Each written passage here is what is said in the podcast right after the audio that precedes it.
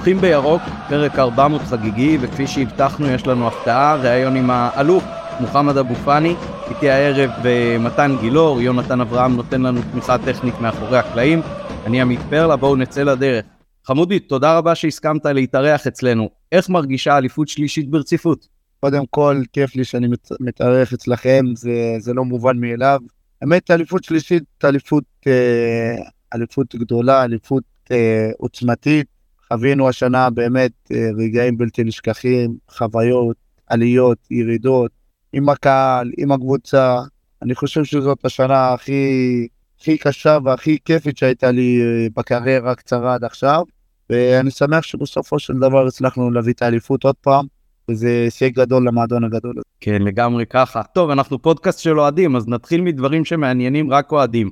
אם עושים כוחות ויש משחק שלך, יחד עם שרי ודיה סבא, נגד סק, דילן ופיירו, מי מנצח? אה, כדורגל אנחנו מנצחים, מכות הם. אז נראה לי עדיף שנשאר בכדורגל, אני דיה ושרי, אנחנו שלישייה שלמרות שאנחנו קטנים, אבל אנחנו, אני חושב שאנחנו טובים קצת עם הכדור. טובים אותם בכדור, זה בטוח. אה, עכשיו עוד שאלה, איזה מהתלבושות של שלוש העונות האחרונות הכי אהבת? ועוד שאלה, יש איזשהו קטע בין השחקנים בבחירת התלבושת שאתם משחקים איתה, שלפעמים אתם אומרים זה מביא לנו יותר מזל, זה מביא לנו פחות מזל, אתם מנסים להשפיע? האמת, אני, קודם כל התלבושת שהכי אהבתי זה של שנה שעברה, בחצי ירוק, חצי לבן. זה הזכיר לי את uh, ברצלונה עם, uh, עם פפ, שלקחו את כל התארים, הייתי בטוח שאנחנו ניקח את כל, את כל התארים, וזה כמעט קרה. אבל uh, כן, האמת, uh, יש לנו איזה מנקוס קטן עם התלבושת הלבנה, אנחנו פשוט לא מצליחים לנצח איתה. אני כאילו, בקטעים בודדים אולי ניצחנו איתה, זה תלבושת שקשה לי מאוד איתה, כי קשה לנו איתה, האמת, השחקנים, כולנו מודעים לזה. טוב, עכשיו עוברים לאדידס, אז אנחנו נודיע להם שבלי לבן. בלי לבן הכי חשוב. כן, האמת שכשהכנתי את השאלות לראיון הזה יחד עם החברים, אז הזיכרון הראשון שעלה לי בראש, זה המשחקים שלך עוד uh, בנוער, במוקדמות של הצ'מפיונס ב-2016-2017, שיחקת אז עם עופרי ארד, עווד, זנתי, ולבלום, uh, עוד שחקנים, השוער רועי פוקס, uh, והיה הרבה קהל במשחקים האלה, גם אני והילדים שלי באנו, וראינו פשוט שחקן שהוא בגוף הכי קטן, אבל בעוצמה הוא השחקן הכי חזק. מה, מה זכור לך בעיקר מההתמודדויות האלה, ועד כמה באמת ההתמודדויות האלה מכינות במשהו להתמודדות אחר כך עם קבוצות אירופאיות בגילאי בוגרים? האמת שליגת האלופות של הנוער זה באמת הייתה קודם כל החוויה הראשונה שלי בתור שחקן בקריירה שהיא קריירה מקצועית, בוא נגיד זה ככה, בליגת האלופות, למרות שזה בשלב של הנוער, אבל אני חושב שזה משהו שהוא גדול ומשמעותי. וזו פעם ראשונה ששיחקנו בסמי עופר. לא שיחקנו לפני אז בכלל, ההתרגשות הייתה, הייתה בשמיים. וכן, יחסית הייתי הכי קטן, האתגר שלי היה יותר גדול. כל הזמן הייתי הכי קטן, ותמיד תסתכלו עליי פחות טוב, כי אני קטן וחזק, אז זה לא נראה הכי טוב. אבל זה נתן לי תמיד את המוטיבציה ואת ה over, כאילו אני בא לשחק, לשחק בשביל להוכיח לכם. כאילו זאת הייתה המחשבה שלי, אני בא בשביל להוכיח לכם, אני לא בא בשביל ליהנות. כאילו המחשבה של ליהנות, אה, כאילו ליהנות מהרגע ולהיות, אה, לא יודע, להיות הכי טוב בקבוצה זה לא, זה לא עניין אותי. עניין אותי שהיריב יחשוב, ש... שידע שאני יותר טוב ממנו. זה מה שהוביל אותי בתקופה הזאת, ואני חושב שזה, שזה גם הוביל אותי הרבה גם בקבוצה הבוגרת, שפתאום היו מגיעים קבוצות גדולות נגדנו, נגד רוסטוב וטוטנאם ופריז וכל הקבוצות האלה, אז כאילו הם על הנייר, הם שחקנים יותר טובים מאיתנו, הם משחקים ברמות הכי גבוהות. אז כאילו המחשבה שלי תמיד הייתה, איך אני גורם ליריב שלי לחשוב שאני יותר טוב ממנו, שידע שאני יותר טוב ממנו. וזה היה אתגר מאוד גדול בשבילי, וזה הוציא ממני עוד יותר אנרגיות, עוד יותר אה, השתפרתי במשחק. אני חושב שזו חוויה בלתי, בלתי רגילה, שאני לא אשכח, מאמין שאני לא אשכח אותה כל החיים. מהקבוצה ההיא, מי, מי אתה חושב השחקן שמכבי הכי פספסה איתו, ויכול היה כן להיות חלק נגיד מהסגל של הקבוצה בשושלת הזאת אה, של בכר? אני חושב שכל שחקן בוחר את הדרך שלו בסופו של דבר, אני חושב שכולנו יכלנו להשתלב בקבוצה הבוגרת, ואני חושב ששחקנים לפעמים מתפספסים וזה קשה, קשה כי באמת כל שחקן יכול להשתלב בקבוצה הבוגרת, כי אנחנו באמת שחקנים טובים, גדלנו בתוך המועדון, רצינו להוכיח את עצמנו כל הזמן, אבל אה, אני חושב שהפספוס אה, של כמה שחקנים זה נובע לפעמים מחוסר ביטחון, לפעמים מחוסר אמון של מאמן כזה או אחר בשחקנים. אני גם, עם, בר, עם מרקו בלבו לא היה לי את הביטחון הזה כמו שיש לי היום, גם כמעט התפקשש לי עם מכבי חיפה. בסופו של דבר בא ברק בכר, לקח אותי, נתן לי ביטחון, ואני חושב שהחזרתי לו בגדול. אני חושב שלכל שחקן יש לפעמים עליות וירידות, וזה עניין של טיימינג. גם עניין של טיימינג, שבא מאמן שרוצה אותך ואוהב אותך ולוקח אותו אותך, מרים אותך עד השמיים. באיזה גיל, באיזה שלב אמרת לעצמך, אני יודע, אני בטוח בעצמי, אני הולך להיות שחקן כדורגל מקצועני? אה, אני חושב, אה, ב-2012, אם אני לא טועה, שמכבי חיפה שיחקו בליגת האלופות נגד אה, ביירן מינכן.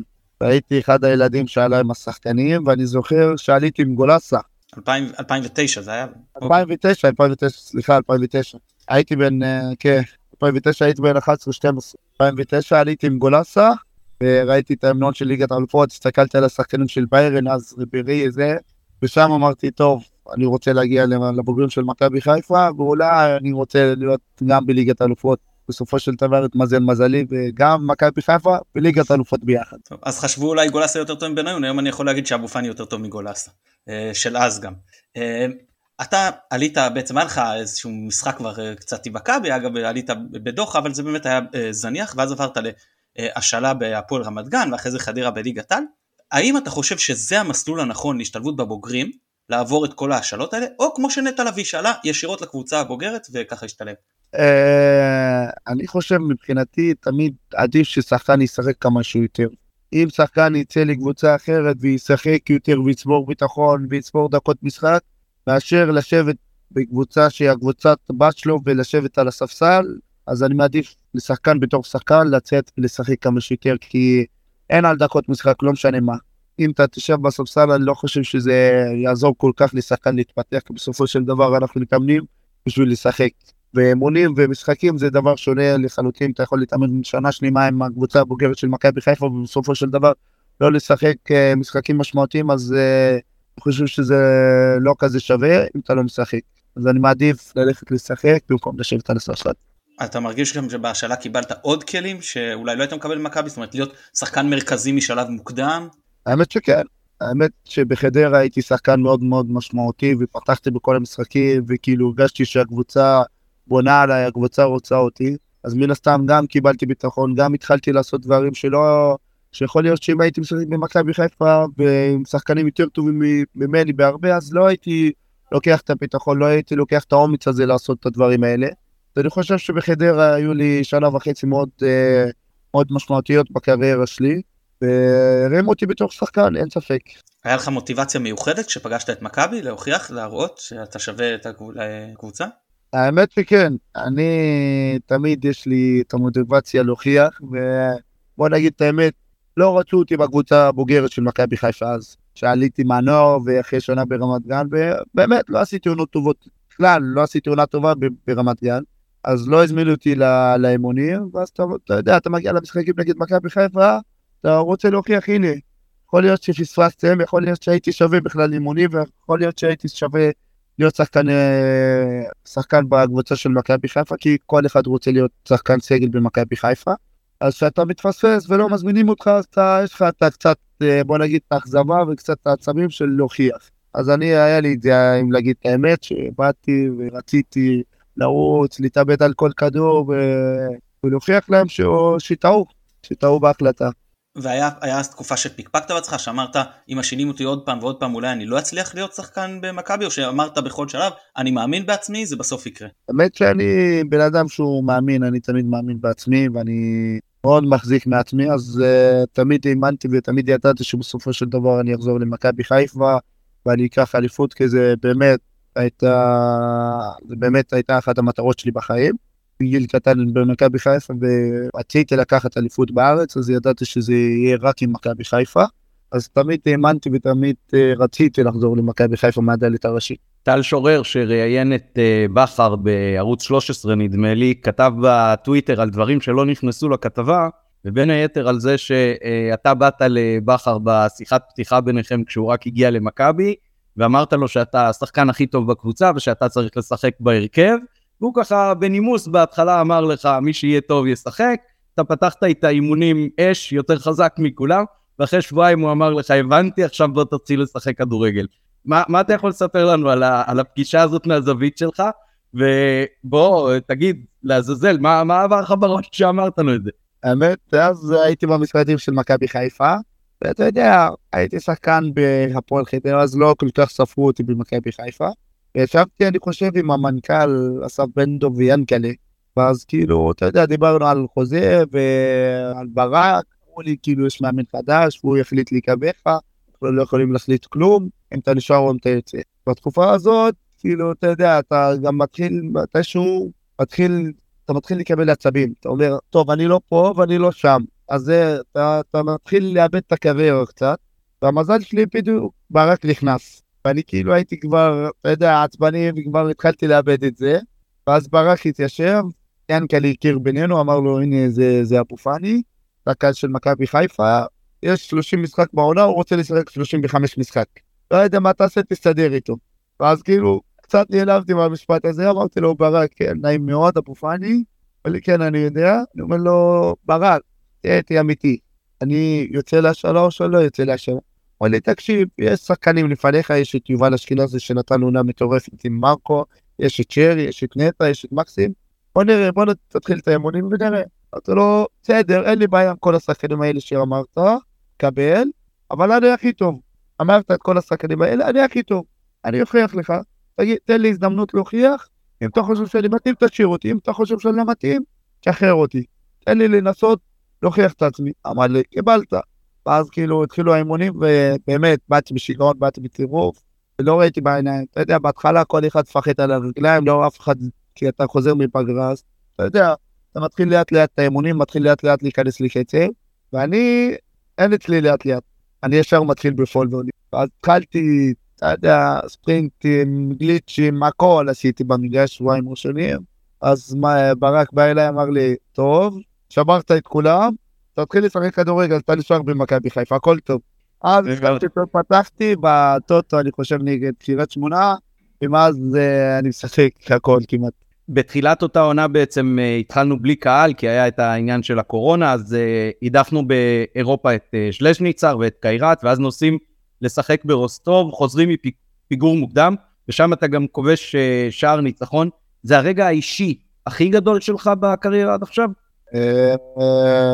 אני חושב שהיו לי כמה רגעים שהם כאילו מבחינתי זה יעשי גם הגול בלופיאקוס, גם העלייה לשלב הבתים.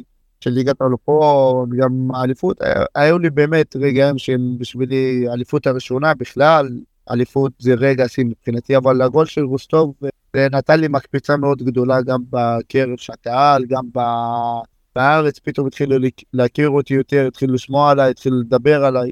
זה באמת גול שהוא מבחינתי הקפיץ לי את הקריירה בלילה אחד לכמה לבלים. למעלה, ואני שמח על כך, זה באמת גול שהוא גול מאוד מרגש. למרות מה שקרה באותו ערב ולמרות מה שאמרתי, הכל טוב, אני חי עם זה בשלום. זה מעבר לשער, זה היה משחק הצהרה שאחרי זה פשוט כולם אמרו מוחמד אבו פאני real. אה, כן, אני חושב שאחרי המשחק הזה אני גם קיבלתי זימון ראשון לנבחרת, היה לנו את סקוטלנד ואני חושב, היה לנו גם משחק בית אני חושב צ'כיה אם אני לא טועה. ואז נגד סקוטלנד גם נכנסתי מחליף, והייתי טוב וכבשתי פנדל, ואחרי זה צ'כיה גם פתחתי בהרכב של. אני חושב שזה היה כאילו שבועיים מבחינתי, שבועיים של, של פיק, אה, של שיא קריירה. מה, מה גיבש אתכם בשלב הזה כקבוצה תחת בכר בעצם? שם בעצם התחיל להיווצר המומנטום, וזו תקופה שהיא בלי קהל. יכול להיות שהשקט הזה גם קצת עזר לכם? אה, יכול להיות שזה עזר לנו, אני אגיד לך את האמת. אה, קיבלתי יותר ביטחון ששיחקנו בלי קהל בהתחלה, אתה, יודע, אתה מגיע לאצטדיון מכבי חיפה, סמי עופר, אתה רואה קהל מטורף, לפעמים הקהל באמת מלחיץ, נכון שהוא רוצה לעזור לך וזה, אבל אתה, בתור שחקן צעיר, אתה לפעמים קצת גם מפחד לעשות טעויות, אתה מפחד לקבל את הכדור. אני חושב שבהתחלה שלא היה קהל, זה עזר לי. אתה יודע, אמרתי, טוב, אין קהל, אל תהיה בלחץ, שחק את המשחק שלך. עם הזמן גם צברתי ביטחון, פתאום נכנס עוד קצת קהל, פתאום היה 5,000, פתאום 10,000, וכאילו הקהל, גם הכמות של הקהל עלתה איתי גם עם, ה... עלתה עם הביטחון העצמי שלי. ואז שהגענו לפיק של העונה, לסוף העונה של הפלייאוף, אני גם הגעתי לשיא שלי באותה עונה, ואז לקחנו אליפות, בכלל, כאילו, זה היה, זה היה מאלוהים. הקהל והיכולת שלי והביטחון שלי עלה, עלה יחד עם הקהל. אתם מגיעים למשחק בית נגד מכבי תל אביב, מפגרים 2-0, ואז פעם ראשונה, מה שיקרה הרבה בעונה הזאת, אבל עד אז עוד לא היה, משאירים אותך קשר אחורי בודד, אתה לוקח פעמיים לפריץ המשווים, ואז המהפך, ואז אתה הולך לדגל הקרן עם הביצוע המפורסם שם. זה משהו שמתאמנים עליו? זה מתוכנן לעשות דבר כזה, או שאילתור של הרגע? אה, האמת שזה היה אילתור של הרגע, אחרי מהפך, אה, חושב מהפך מאוד גדול מבחינתנו, וחזרנו למשחק מהקבר, באמת, תוך שתי דקות להשקיע שתי גולים, ואם לא היה עצירה היינו גם עושים מהפך אולי בחמש דקות. אבל אה, כן, זה היה משחק שהוא באמת משחק גדול שלנו כקבוצה, והימרנו, הימרנו על הכל. אתה יודע, אתה מגיע לדקות האחרונות, אתה אומר, טוב, אז כשעשיתי מהפך, אני לא רוצה להפסיד את המשחק. ואז אתה יודע, באמת, אה, לקח ברק, סימל לי ללכת לקיר, אמר לי, בזבז חצי דקה, דקה, כמה שאתה יכול. ויצא זה ארבע דקות שמה, ובסופו של דבר ניצחנו את המשחק. אני חושב שעוד יותר גדול מזה אפילו, היה תיקו 2 בבלומפילד, כבר פיגרנו 2-0, ואז אתה, ראו שאתה פשוט לוקח את המשחק עליך, ומניע את הקבוצה במצב שכולם היו בהלם. אה, זה מרגיש כאילו יש לך מוטיבציה יותר גבוהה נגד מכבי תל אביב אפילו משחקן בית סטנדרטי, זה נכון? זה גם משהו שאתה מרגיש אה, בתוכך? האמת אה, שכן, כאילו נגד מכבי תל אביב זה באמת המשחק הכי גדול בליגה. אתה לפעמים מגיע עם over מוטיבציה ו over רצון להוכיח לכולם. ומן הסתם, אני שחקן שהוא מאוד מאוד הולך לפי הרגשות שלו, אז כשאני שומע את הקללות, שומע שמקללים אותי, אני רוצה להוכיח עוד יותר. כאילו, ואז בכלל, אחרי, נגד מכבי תל אביב ונגד בית"ר, אז יש לי עוד יותר אובר מוטיבציה להוכיח לכולם. כי אני אוהב לצח... ללכת נגד הזרע, ללכת נגד כולם. אז שכולם נגדי, אני עוד יותר טוב. אז, אה, אז מקווה שימשיכו, שימשיכו להיות נגדי. זה הכי חשוב. מכל שלוש העונות האלה, בוא תן לנו את רגע השיא בליגה ורגע השיא באירופה מבחינתך. מבחינתי רגע השיא זה אליפות ראשונה. כאילו מבחינתי זה רגע שהוא באמת רגע בלתי נשכח אחרי עשור של בוא נגיד לא לא נגיד כישלונות אי הצלחה ואחרי עונה שהיא מטורפת שעבדנו קשה ונלחמנו וכבר ראינו את האליפות והייתה לנו את האליפות ביד והפסדנו אותה בקריית שמונה דקה האחרונה שקיבלנו את הגול ואז חזרנו לשם ולקחנו את האליפות. זה, זה פיק שאני חושב שאני לא אשכח בחיים. וליגת אלופות נגד פריז בבית. זה היה משחק משחק מטורף. אני לא אשכח עוד גם שראיתי את מסי, נימר, וימפפה ווירטי ורמוס, אתה רואה את השחקנים האלה שברק גם מתחיל לרשום את ההרכב שלהם על הלוח, אתה אומר, טוב, בוא נשחק נגד מסי עכשיו. ושולח הודעות למשפחה, כאילו, אל דברו איתי, אני צריך להתרגז, עוד מעט הוא משחק נגד מסי. אתה גם לא מאמין להודעות שלך, אתה גם לא מאמין לעצמך שאתה, עולה למשחק כזה. נגד איזה שחקן היה הכי, היה הכי קשה לשחק בקמפיין הזה של ליגת אלופות? מקצועית.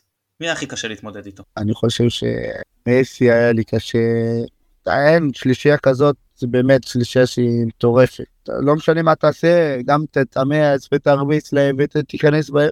שהם באמת מחליטים לשים שער, הם שמים שער, אין לך מה לעשות, אין לך יותר מדי אפשריות. אז אתה כזה, אתה משחק לידם, אתה לא רוצה לעצבן אותם יותר מדי, אבל אתה גם לא רוצה לוותר. אז כאילו אתה הולך בין הטיפות, אתה אומר, טוב, אני לא אכנס פה עכשיו, אני אכנס פה במהלך הבא, שלא ייתן לי גול עכשיו. אולי עוד דקה הוא לא ייתן לי גול. אתה מנסה למשוך את זה כמה שיותר. כמה אתה מרגיש שהניסיון שהיה לכם בקונפרנס שנה לפני בשלב הבתים הכין אתכם לקמפיין של ליגת אלופות? אה, יכול להיות שהוא הכין אותנו, פתאום אתה מתרגל לשחק בליגה שהיא אירופאית, אתה מתרגל גם לשחקנים אירופאים, לקצב, למהירות, וגם עובדה שהצלחנו להפיל לליגת האלופות אחרי שהיינו בקונפרנס והתחלנו את האימונים יותר מוקדם מהרגיל ועשינו עוד יותר אה, משחקי אימון ובאמת הגענו לליגת האלופות בשיא שלנו מבחינת כושר ומבחינת יכולת אז אני חושב שזה דבר שהוא מאוד עזר לנו ביכולת הזאת. יצא לך לשחק בשלל תפקידים ועם שלל שחקנים בקישור בכל השושלת הזאת עם נגיד עם רודריגז ונטע לביא ואלי מוחמד ומחמוד ג'אבר אפילו קצת עם אה, גוני נור אז נתחיל מאיזה עמדה אתה הכי אוהב לשחק ומי השחקן שהרגשת הכי בנוח לשחק על ידו מכל החבורה הזו? אני חושב ש... ששיחקתי שמונה זה, זה התפקיד אה, מבחינתי כאילו הכי הכי מרגיש לי בנוח למרות שאת שש אני גם אוהב לשחק לפעמים בתקופה האחרונה מאוד נהניתי לשחק שש. והשחקן שבאמת אה, נטע זה מבחינתי שחקן שהוא שחקן מושלם שנהניתי לשחק איתו גם גדלתי איתו ושיחקנו ביחד בנוער אז אה, שעלים לבוגרים פתאום עוד פעם לשחק ביחד זה, זה עזר לי מאוד להתחבר אליו. ואני חושב שהוכחנו את זה גם באליפות הראשונה, באליפות השנייה הוא היה קצת פצוע אז uh, פחות שיחקנו ביחד, אבל באמת uh, נטע אני מרגיש איתו חיבור שהוא חיבור מדהים, ש, שקל לי איתו באמת. והעונה כששמו אותך שש ועוד לבד בקישור, הרגשת שפתאום מפילים עליך איזה יותר מדי, זה הבהיל אותך קצת או שאמרת לא משנה לי? אני... האמת שבהתחלה זה קצת הבהיל אותי, כי אתה יודע פתאום, סבבה אני שש, פתאום אני מסתכל על ההרכב, אתה רואה שרדיה, חזיזה ואציל, אתה אומר, טוב, מי יעשה הגנה? אין שחקנים שיעשו הגנה, אבל באמת שהרביעייה הזאת אה, באמת רצו, עשו הגנה, עשו התקפה, אני חושב שהם הגיעו, שכל הקבוצה הגיעה ל money time בזמן, ובאמת זה דבר שנהנינו, נהנינו באמת מכל משחק, מכל דקה. אני חושב שלקחנו את האליפות כאילו בצורה הכי מרשימה והכי יפה שיכולה להיות. כמו שאמרת, אתה שמונה box to box כזה, איך מנטלית מתכוננים לזה שפתאום צריכים להיות מאופקים, פתאום אי אפשר לעלות למעלה בצורה חופשית, כי אתה הקו האחרון לפני הבלמים. כן, האמת שזה, באמת שזה באמת, האמת שהיה לי מאוד קשה לא לעלות קדימה. כל פעם שלפעמים הייתי שוכח, אה, הייתי שוכח להישאר מאחור, ואז אני כאילו רץ קדימה, אני גם רוצה לבעוט ואני גם רוצה להפתיע ואני גם רוצה לבשל ולתת את הפס החכם. ואז אני נזכר, אני שומע את צרפתי שורק לי, מסמן לי תחזור אחורה. יש יותר מדי שחקנים שהיינו עולים שני המגינים והרביע מהקדימה והחלוץ. אני והיינו קצת לפעמים מפקירים את ההגנה. והיינו באמת מקבלים גולים לפעמים בגלל שיש לנו, אנחנו שחקים מתקיפים מדי. אבל אני חושב שכל פעם שקיבלנו גול הצלחנו להשוות ולהפקיע כי אנחנו באמת הרבה שחקנים למעלה וכל שחקן פתאום יכול לעשות לך גול או בישול או איזה מהלך של גול. ואני חושב שזה מה שהביא לנו את האליפות ההתקפה בסוף. מרכיב שהוא מאוד מאוד חשוב בכדורגל. איך זה לענוד את סרט הקפטן של מכבי, והאם אתה מרגיש שזה גורם לך להתנהל בצורה אחרת על המגרש? האמת שכן. הסרט קפטן זה דבר שהוא מאוד מרגש, מאוד מיוחד, זה סימן דרך בקריירה שלי, דבר שהוא לא מובן מאליו, לא הרבה שחקנים זכו לשים את הסרט קפטן של מכבי חיפה, ובטח באליפויות ולהניף את הצלחת גם אם אני קפטן שלישי, וזה באמת חלום שהתגשם. וזה כן, הסרט קפטן מבגר אותך, בוא נגיד, אה, הוריד לי הרבה לחץ הסרט הקפטן. פתאום אני צריך להיות רגוע, אני צריך לדבר עם השחקנים, אתה צריך לכוון, אתה צריך להיות שם בשביל השחקנים, לדבר עם שופטים. אז אתה, יש לך סמכות מסוימת ואנשים מסתכלים עליך, אז אה, בוא נגיד, ממתן אותי קצת, מתן אותי קצת הסרט קפטן. אנחנו בתקופה עכשיו של אה, חילופי מאמנים, אז בוא אולי תספר לנו מי המאמנים שגידלו אותך במכבי, שהכי עיצבו אותך, שהכי פיתחו אותך כשחקן מבחינתך? אני חושב שכל מאמן שעברתי איתו קיבלתי ממנו איזה משהו שעזר לי לאורך כל הדרך ואני חושב שלקחתי מכל מאמן איזה משהו שהוא בשבילי משהו משמעותי ששינה לי את החשיבה, שינה לי את החשיבה של המשחק. אלו מאמנים באמת, מאמנים מאוד טובים שעזרו לי והתפתחתי בתור שחקן והתפתחתי בתור בן אדם ואני חושב שכל מאמן יש מוסיף לך, נותן לך איזה משהו ש...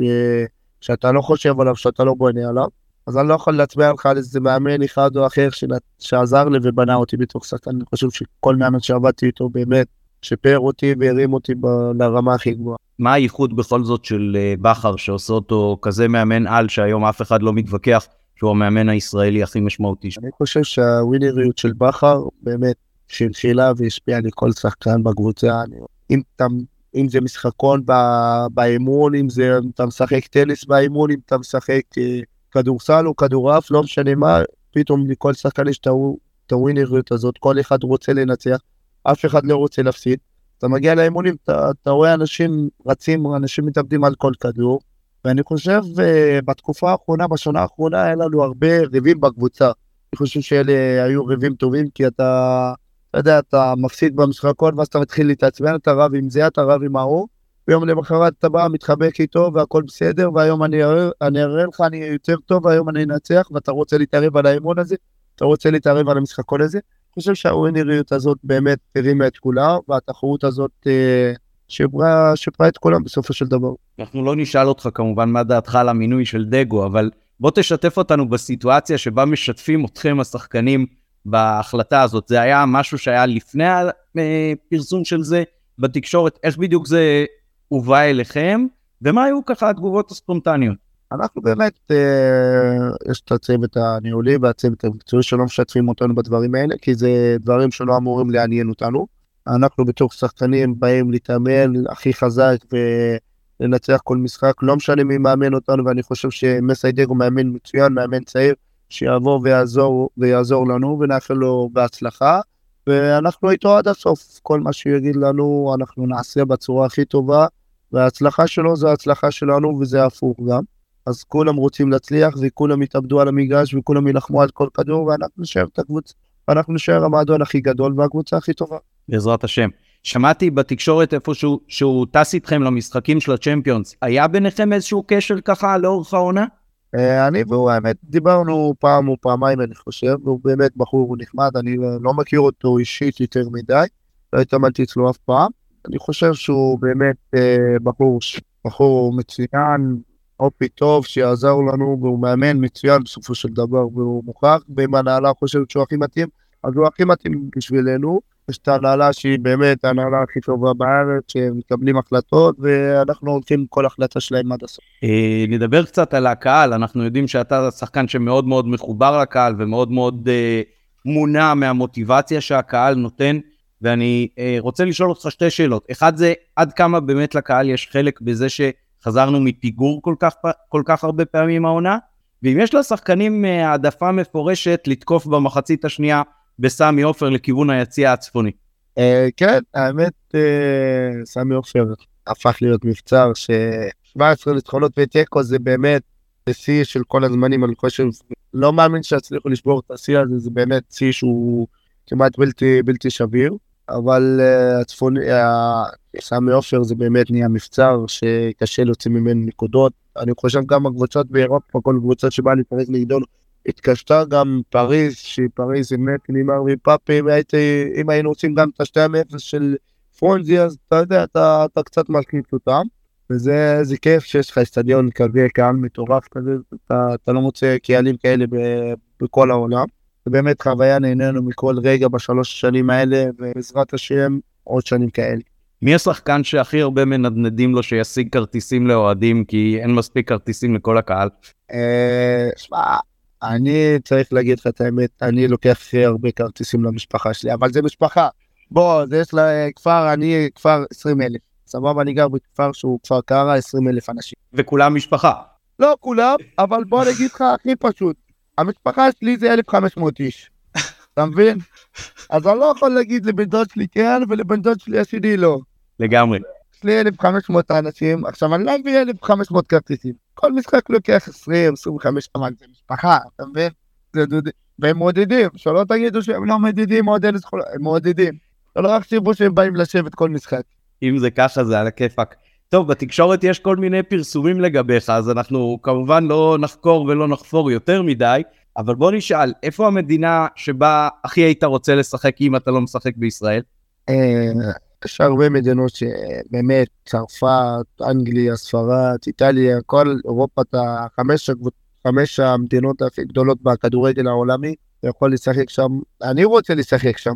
כל שחקן, אני חושב, בארץ, בעולם רוצה לשחק בליגות האלה. חמשת הליגות הבכירות, וזה חלומו של כל שחקן אני חושב.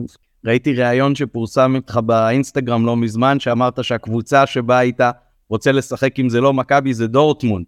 אז הם הולכים אולי לקחת אליפות עכשיו, אז זה בכלל אה, יוצא לך טוב. אני חושב, אם דורטמונד ייקחו אותי זה באמת, הלוואי, הלוואי שהחלום הזה יתגשם, אבל אני אה, חושב שיש להם אה, מספיק שחקנים טובים באמצע. טוב, אנחנו בהחלט, בוא נגיד ככה, אם אתה כבר חלילה עוזב, אז אנחנו מאחלים לך שזו תהיה קבוצה, קבוצה אלופה, דורטמונד עם הקהל שלה, בפירוש כן. איזה, מש, איזה משחק מהמשחקים הקלאסיים ככה של אירופה, זה משחק שהיה מאוד מאוד מושך אותך לשחק בו. מה עוד פעם, לא שמעת את השאלה? רגע, שאלה אחרונה? אה, לקראת הסוף אנחנו. אה, אני צריך לרדת לסייע עוד מעט את ישראל שלי. לאן אתה טס? דובאי. דובאי, אז תעשה חיים. אנחנו באמת לא נחזיק אותך יותר מעוד uh, דקה, אבל נשאל ככה, מה אתה מעדיף? עוד שלב בתים בצ'מפיונס עם מכבי, או חוזה טוב בקבוצת מרכז טבלה בבונדסליגה? או, רגע, מה זה שלב אה, בתים טוב ממכבי חיפה? מקום שני? כן.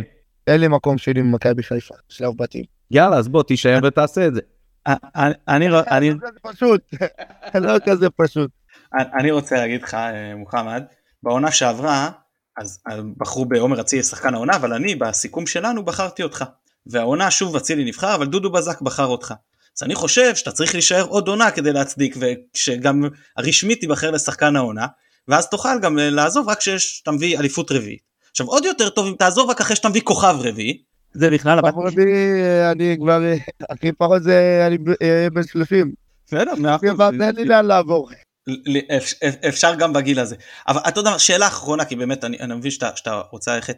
אתה יודע, אתה, אתה שחקן באמת עם חו- חוזק מנטלי ומגיע להרבה מג- מגרשים ומקהלים אותך הרבה לצערנו וגם קללות גזעניות. מה היה בטרנר שהיה כל כך חריג שהוציא אותך מהכלים? כי אתה יודע לספוג את זה בכל איצטדיון ושם זה לא, לא עברת בשקט על העניין. כן, האמת, אה, אני חושב בטרנר זה עבר כל גבול אפשרי, אתה יודע, התיישבתי פתאום, אתה שומע קללות מקומץ של אנשים שהם באמת הכי גזענים שיש, אבל אני חושב שגזענות זה קו אדום, צריך להכיר את התופעה הזאת מכל העולם. גם ראינו את ויניסיוס עכשיו שגם חווה גזענות, זה באמת קו אדום, זה הדבר הכי מגעיל והכי דוחה שיכול להיות. אני חושב, לא משנה איזה קבוצה אתה אוהד, לא משנה איזה, איזה קבוצה אתה לא אוהב, אל תקללו בגלל גזענות. קללו את השחקן, אל תאהבו שחקנים, הכל טוב, תקללו שחקנים, הכל טוב, תוציאו עצבים, הכל טוב, אבל אל תכניסו. תעשו מה שאתם רוצים, רק לא גזענות, זה באמת, גזענות זה הדבר הכי מגעיל והכי שפל, ואין, אין, אני לא חושב שיש דרך חזרה מגזענות. טוב, אנחנו רק נגיד לך שמבחינתנו אתה שחקן ענק, אנחנו ממש ממש מקווים שתישאר במכבי, אבל גם אם תעזוב נאחל לך הצלחה לכל uh, מועדון שתעזוב uh, בחו"ל כמובן, אני לא מאמין שתרצה לשחק במקום אחר, אחר בישראל שהוא לא מכבי. Uh, עמית תסכם, אבל פשוט המון המון תודה, גם שהתארחת אצלנו וגם שהבאת לנו כל כך הרבה כיף אחרי העשור הזה, לי ולילדים שלי, אני אגיד באופן אישי, פשוט תודה. תודה רבה, תודה רבה, אוהב אתכם, בהצלחה. שמחתי תודה. רבה, טיסה נעימה ותבלה, ותחזור אלינו חזק בסוף הפגרה. תודה רבה, אוהב אתכם, בארץ מאוד. תודה. ביי, להתראות, תודה מובן. ביי ביי. ביי. ביי. טוב, אנחנו, נחשוף בפני המאזינים שבאמת, אה, אתם, מי שמכיר אותנו ומאזין לנו הרבה זמן יודע שהראיונות בדרך כלל יותר ארוכים, אנחנו שואפים לראיונות אה, כמה שיותר ארוכים, ובאמת היה לנו ריאיון פי שלוש באורך אולי עם אה, אבו פאני, שממש רצינו לראיין אותו, אבל uh, לא הסתייע כי הוא היה צריך לטוס. בכל זאת אני מאוד נהניתי מהרעיון, אני מניח שגם עמית, ואנחנו רוצים להודות למכבי בכלל ולדודו בזק בפרט, שהוא uh, אפשרו לנו את הרעיון הזה. Uh, זהו, אז אמנם לא הצלחנו להביא לכם רעיון יותר ארוך, אבל הצלחנו כן להביא את אבו פאני, וכן ניסינו לשאול את השאלות היותר מרכזיות, ושהיה חשוב יותר לשאול. אה, אולי פעם הבאה.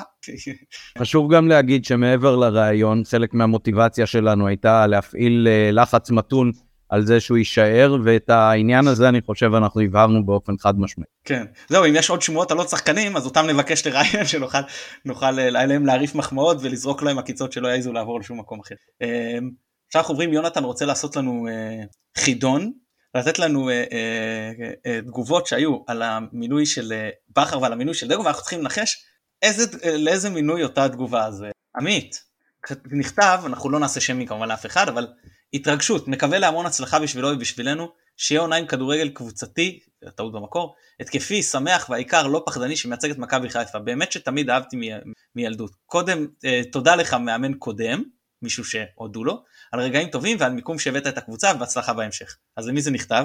זה נכתב לבכר. גם אני חושב שזה נכתב לבכר. כן, זה אכן נכתב לבכר. בואו בוא נמשיך לבא. הבעיה הכי גדולה במינוי הוא פירוק הצוות המקצועי. יש חשיבות למאמן הראשי, אבל יש חשיבות גדולה יותר לתלכיד הצוות המקצועי.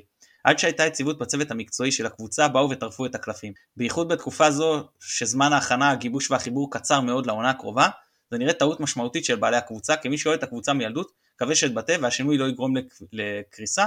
המאמן הקודם, קידמת את הקבוצה בצורה מדהימה, תודה רבה. ברק בכר. גם אני, גם אני הולך פה על בכר, אכן ברק בכר. יפה, די אנחנו הולך לנו. בהצלחה סוכריה אנחנו איתך, תזכור שאתה מייצג את הסמל הכי גדול בכדורגל הישראלי, תהיה מוכן להר געש בירוק, זה לא הולך להיות קל, אנחנו קהל חסר סבלנות, אבל, אבל ופה אבל אתה מאמן ואנחנו איתך, ושיהיה בהצלחה. ברור, אה, וסיידגו. אני הולך על בכר שוב, אז זה באמת דגו. שלוש שתיים, שלוש שתיים פרלה. אמ, על המאמן החדש, האתגר הגדול שלך זה לא לגבור על מכבי תל אביב, אלא על הבוס שלך. אם תצליח בזה אתה גאון. בכר. כן, זה גם אני חושב שזה בכר. אכן בכר. אמ, עם כל הספקות שיש לכולנו בנוגע אליו, בואו נתמוך ונאחל בהצלחה, אנחנו מאחוריך. טוב, זה די ברור שזה דגו. אני רק בגלל שהיה הרבה בכר אני אלך על דגו, קם איתך. כן, זה דגו. אמ, חלילה לא מזלזלת ומאחלת לו המון בהצלחה, אבל ויש אבל גדול, המאמן הקודם הינו אבדה גדולה למכבי חיפה, הלוואי ואני טועה. אה, אתה טוב, אומר? לי- אתה אומר? לי זה לדעתי בכר, כי אני אגיד לך מה, חלק גדול מהעניין פה זה להתמקצע במה שנקרא מבחנים אמריקאים, ולראות מה זה מסיחים.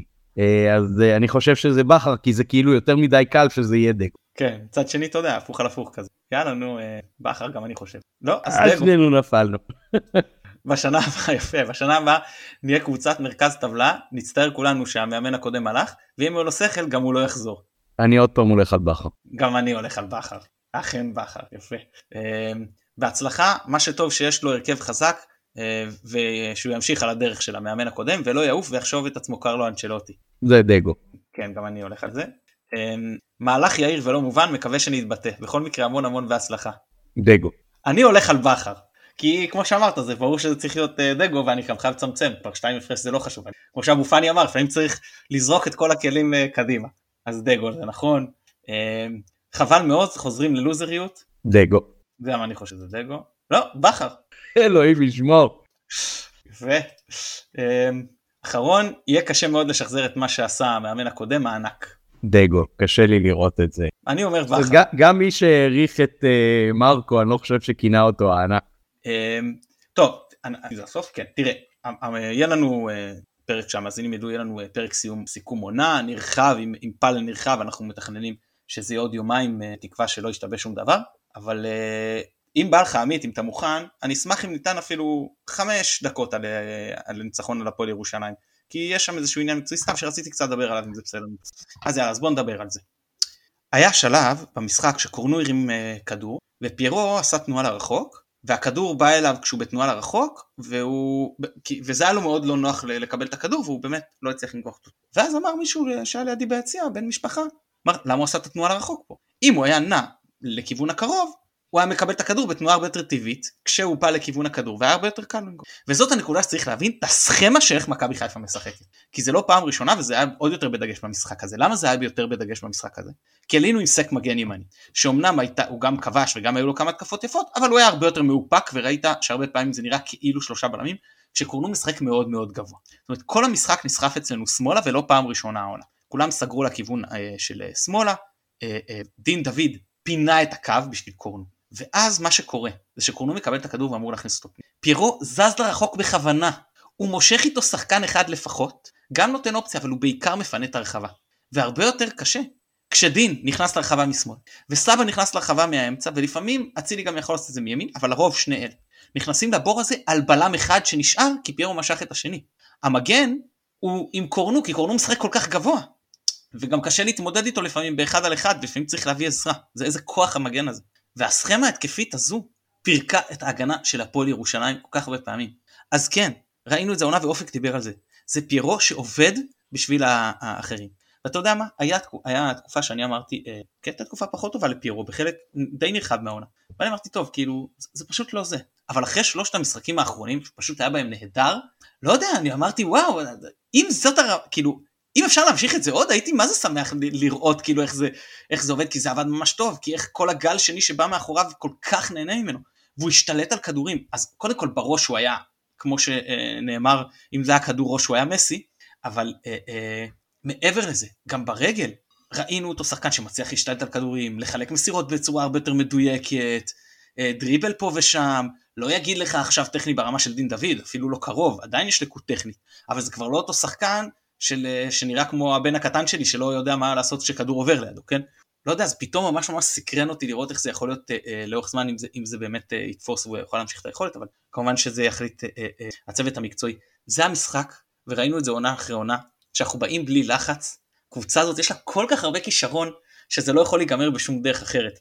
המשחק זרם, המשחק שטף, זה היה פשוט תאווה לעיניים. אתה יודע, באתי למשחק ואמרתי, אה, אה, אולי יבואו כבר, אה, אתה יודע, בהילוך שני, אולי הם יבואו, גם, חזיזה לא פתח, וחזיזה זה שחקן שאם הוא יעלה, כמו, גם הוא יעלה למשחק הזה, הוא ייתן את הכל, לא משנה מה. ושחקנים כמו עומר אצילי או שרי, שחקנים שיכולים לקחת משחקים כאלה יותר באיזי.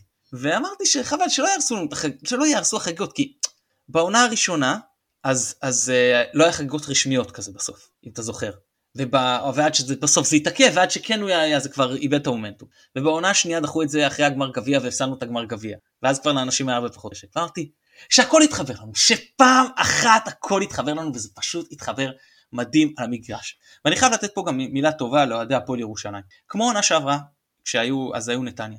ואז הם לפחות נתניה הפילו לאירופה, אז יכולת להבין. פה הם לא הפילו, אבל הם ידעו להישאר אחרי המשחק, גם אחרי תבוסה חמשת, ולהודות לקבוצה שלהם על עונה פשוט מדהימה, פשוט מדהימה.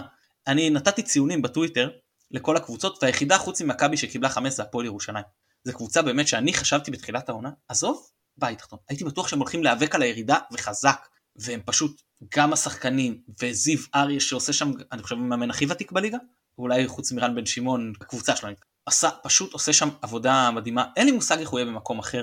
אין לי מושג אם הוא יתאים לקבוצה גדולה, או לקבוצה עם יותר אה, שאיפות, או יותר אגו, זה בכלל לא משנה. מה שהוא עושה בהפועל ירושלים, לדעתי, ואני לא יודע אם הוא רוצה, אבל אני אם הייתי אוהד הפועל ירושלים, הייתי רואה בו אולי אפילו את הגי רו שלי. מאמן שיכול להיות עכשיו 20-30 שנים. למה לא בעצם? למה לא? באמת, אה? אה, אה, אה, אה גי רו, סליחה, סליחה, סליחה, גי רו, נכון? stand corrected. זהו, זה המשחק שפשוט סימן את כל העונה הזאת. האומץ, ההתקפיות, המשחק השובה, נכון שזה לא הצליח תמיד, נכון שהיו גם חלקים מעייפים, זה לא היה 93-4, כשבאת כל משחק ונתת את זה, אבל זה כן, זו, זו הייתה הכוונה, זו היית, אלה היו המערכים, לא רק בליגה, גם בליגת האלופות, וזה גרם לזה שחטפנו שביעייה, וזה גרם לזה שחטפנו שישייה, אבל תמיד באנו לשחק, וכשיש כל כך הרבה כישרון מולך, אז זה אה, לפעמים קורס, וכשיש לך כל כך הרבה כישרון ביחס ליריבה, אז זה לפעמים מתפוצץ, והאיצטדיון התפוצץ, והייתה אווירה שגם האוהדים חשבתי שאולי יהיו קצת מנומנמים, כי גם אתה בתור אוהד לפעמים בא באיזושהי אה, ירידת מתח.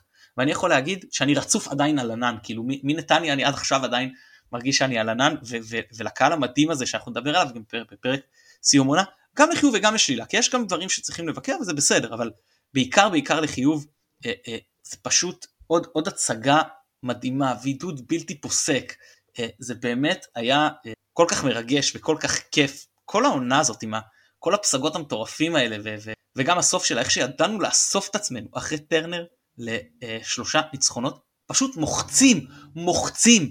זה, כי אתה מצפה שתגיע עם כל כך הרבה לחץ, אז היו משחקים עונה שגירדנו, לא רק אשדוד. באר שבע שגירדת פה, ואתה יודע, ואת התיקו בבלומפילד שאיך הצלחנו לגרד. היינו טובים מחצית שנייה, אבל הם היו טובים מחצית ראשונה. אפילו את הניצחון הראשון על מכבי תל אביב, היינו הרבה יותר טובים, אבל בסוף היינו צריכים לגרד את זה. ופה זה היה שלושה ניצחונות פשוט מוחצים. אה, זהו, אז, אז יש לי עוד דברים טקטיים וזה, אבל כבר נגמרה העונה ועם אליפות וזה, אז, אז אני לא ארחיב לגבי זה, אני רק היה חשוב לדבר על העניין של, של אותה סכמה התקפית, וזהו, ופשוט היה לי כיף במשחק הזה, לכל אורכו, וזה כיף גם שלא היה לחץ. כן, זה היה באמת uh, מסוג המשחקים שיכול ללכת uh, לכאן ולכאן מבחינת המוטיבציה וההשפעה שלה על כל האווירה באיצטדיון, אבל כמו בהרבה משחקים העונה בעצם, הקבוצה דחפה מהדשא והקהל דחף מה... יציע, וברגע שזה uh, התחבר מהרגעים הראשונים, וגם נכנסו השערים היפים האלה, אז, אז ראית שהם באו לשחק, ושראית שהקבוצה רוויה בשחקנים שנורא אוהבים כדורגל. ואם אתה מדבר על שלושת המשחקים האחרונים, אז זו באמת הייתה הפגנת העוצמה אולי של uh, מכבי. כשזה היה חשוב, כשזה היה נחוץ, כשלא הייתה ברירה אחרת, מכבי פשוט ידעה לעלות מדרגה, לעלות שתי מדרגות ולהראות את ה... עליונות שאתה יודע מה, מאז הקיץ והקמפיין בצ'מפיונס אולי, לא ראית את מכבי העוצמתית הזאת בהרבה מאוד משחקים העונה. כאילו באו, עשו את מה שצריך ו- וניצחו, ולא סתם בשלבים אה, רבים של העונה היינו עם אה, לא רק יחס שערים נחות, אלא לא היינו הקבוצה שכבשה הכי הרבה, ורק בסוף באמת אה, עשינו את זה גם במובן הזה של כיבוש שערים, אבל כשהכסף היה על השולחן, זה לא רק שניצחנו, גם לא נתנו לאף יריבה להתקרב כדי משחק אחד. אז נכון שהיו מקרים ככה לאורך העונה, שאנחנו פישלנו ובאר שבע לא ידע לנצל את זה והכל, אבל בסוף בסוף, אחרי האירועים בטרנר, אחרי ההפסד ברגע האחרון, כמו הקבוצה הראשונה אולי של בכר אה, באליפות, אה, הוחמצה בקריית שמונה, ואז באנו לאיצטדיון הבית ועשינו אה, 3-0 במחצית, אני זוכר נכון? במחצית הראשונה, עם מין משחק, אמת, משחק אמת. הסתערות כזה של אל תחשבו על זה אפילו, ואנחנו פה בשביל להבטיח שאף אחד לא יתקרב לכספת שלנו, אז ככה גם אה, מכבי שיחקה, גם נגד מכבי תל אביב, גם נגד נתניה בחוץ. נכון שמכבי תל אביב ניצחה את באר שבע, ולכאורה לא היינו חייבים אפילו לנצח שם בנתניה. אבל לבוא במשחק החשוב, במשחק המכריע, ולעשות את זה כמו שצריך, ואחרי מחצית ראשונה שהייתה אחת-אחת, לבוא ולהראות, אני פה בעל הבית, והאליפות הזאת היא שלנו, ואף אחד לא יתקרב לקחת אותה אפילו, אז uh, זה חלק גדול ממה שאולי גם uh, פאני דיבר עליו, העובדה שבכר קודם כל הכניס במכבי המון ווינריות, דיברנו על זה uh, לפני uh, לא מעט פרקים בעונה uh, הזאת, לדעתי, uh, אחרי, אחרי ההפסד לפריז. אז הפתיח שלי נגע בזה שקלופ אמר uh, להפוך את האוהדים של ליברפול מספקנים למאמינים, אז בכר הפך אותנו מספקנים למאמינים, ואת השחקנים הוא הפך מלאי ביטחון בעצמם, ביכולת שלהם, בחברים שלהם, אה, ואני רק אה, מאחל לנו שהשחקנים ידעו לנסוך את הביטחון הזה במאמן החדש של מכבי, כדי שברגעי משבר הם יסתכלו לכיוון הספסל, אז הם יראו שם מישהו שמחזיר מבט שבוטח בהם וסומך עליהם, כדי שהשושלת הזאת לא תיעצר פה, ושזה לא יהיה הריקוד האחרון, מה שנקרא, כי באמת מבחינת פוטנציאל שחקנים, אה, זה, זה, זה עדיין מצית את הדמיון לחשוב על אה, הסגל הזה, אה, אפילו מינוס שחקן או שניים, אבל עם חיזוק נכון, אה, ממשיך ו, ונותן פה הצגות כדי שאולי התקרה של שלוש אליפויות רצוף שוב תתנפץ uh, לראשונה מאז שנות ה-50, נכון? או ה-60? כן, אם אתה רוצה יכול לבדוק לך, אבל uh, פחות קריטי, בוא. כן, קיצור. זה התחיל ב-50 בטוח, אני לא יודע אם זה זלג לטוב. אני ברשותך רוצה לסיים, כי באמת יהיה לנו פרק סיום עונה, גם כמו שאמרתי, עם פאנל מורחב, ואנחנו שם נעריך ונלהג uh, כמה שנרצה, ונרצה הרבה, כי אנחנו תמיד uh, רוצים ככה. אבל אתה יודע, ושם אנחנו באמת נודה ונזכור את הצוות המקצועי שמגיע לכל אחד מהם, מהמאמן, והעוזרים מאמנים, ומהמשוערים, והאנליסט, ובאמת, כולם, יש לי רק הערכה כלפיהם. אבל אנחנו רואים בהסכת שלנו שהאנשים הכי חשובים זה, האור, זה האורחים. תמיד אני אומר, כש, כשלא מפנים את הזבל אתה נזכר כמה אנשי הזבל הם חשובים. אז היום אנחנו מתבשרים, לפחות זה מה שמצייצים, והבנתי זה נכון, שתומר בסן עוזב את מכבי האפתרפיסט. אז זה, אה, אני חושב שגם לא צריך להגיד תודה, וזה גם חלק, ולשמור על הבריאות של השחקנים. ראינו העונה כמה זה דבר חשוב, וכמה חשוב שאיש מקצוע טוב הוא חלק מזה, וכל מה שנותר לי זה להגיד לו תודה ולאחל לו בהצלחה בהמשך. כן, תודה רבה, תודה רבה לך מתן. תודה לך, תודה לאבו פאני. תודה לאבו פאני, תודה גדולה, תודה לדודו שאפשר את הראיון הזה, תודה ליונתן אברהם שעורך אותנו מאחורי הקלעים. אה, וזהו, אה, שתהיה לנו פגרה מוצלחת, אה, פרקים יהיו בה כאילו העונה נמשכת, לפחות אחד בשבוע בעזרת השם, אבל היה לנו עונג לסכם בעצם עונה שלישית שעם אליפות בכוכב. תודה רבה, ירוק קודם. ביי ביי.